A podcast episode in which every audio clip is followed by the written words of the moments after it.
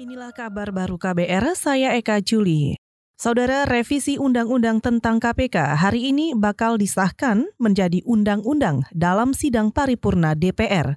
Dikutip dari antara, Badan Legislasi DPR dan pemerintah merampungkan pembahasan Senin malam dan menyepakati poin-poin revisi.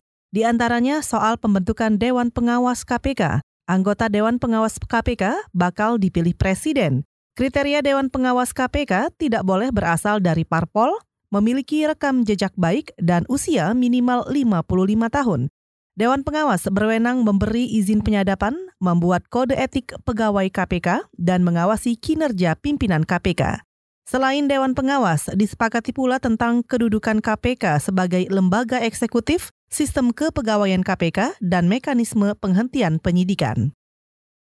Saudara kepolisian mengaku kesulitan memadamkan kebakaran hutan dan lahan di Kalimantan dan Sumatera. Juru bicara Mabes Polri, Dedi Prasetyo mengatakan, sumber air sulit didapat karena saat ini merupakan puncak musim kering. Ya karena lokasinya cukup jauh dari air dan memang uh, saat ini adalah boleh dikatakan kemarau-nya kemarau El Nino, artinya kemarau kering di mana tingkat kadar air di khususnya di tempat-tempat yang hutan-hutan itu sangat sudah sangat langka dan kering.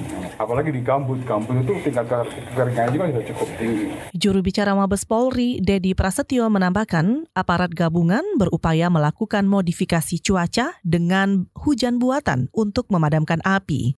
Menurut Dedi, titik panas paling banyak berada di Riau, Kalimantan Tengah, Kalimantan Barat, dan Kalimantan Timur. Ia mengklaim jumlahnya sudah mengalami penurunan lebih dari 600 titik menjadi 350 hingga 400 titik panas.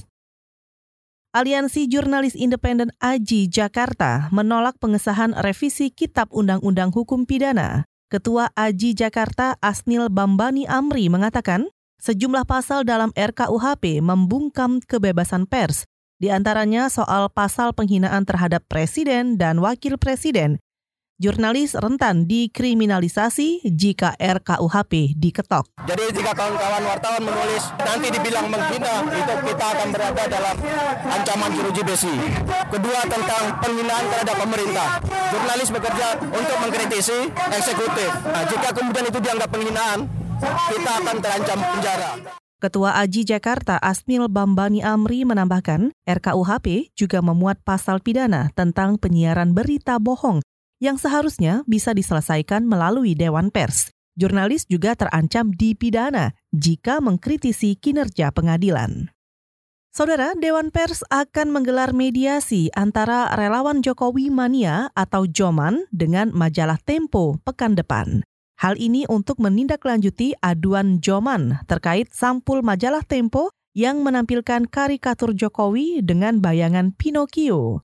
Joman atau Jokowi Mania menganggap sampul itu melanggar kode etik jurnalistik.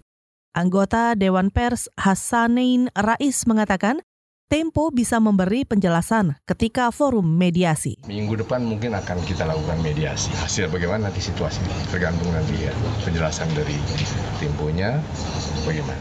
Anggota Dewan Pers Hasanein Rais menambahkan, Joman atau Jokowi Mania belum menyerahkan bukti-bukti terkait karena pengaduan kemarin hanya disampaikan secara lisan.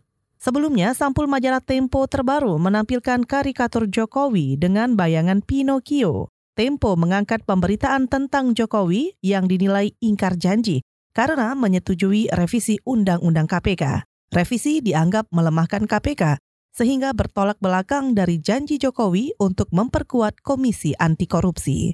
Saudara, demikian kabar baru. Saya Eka Juli.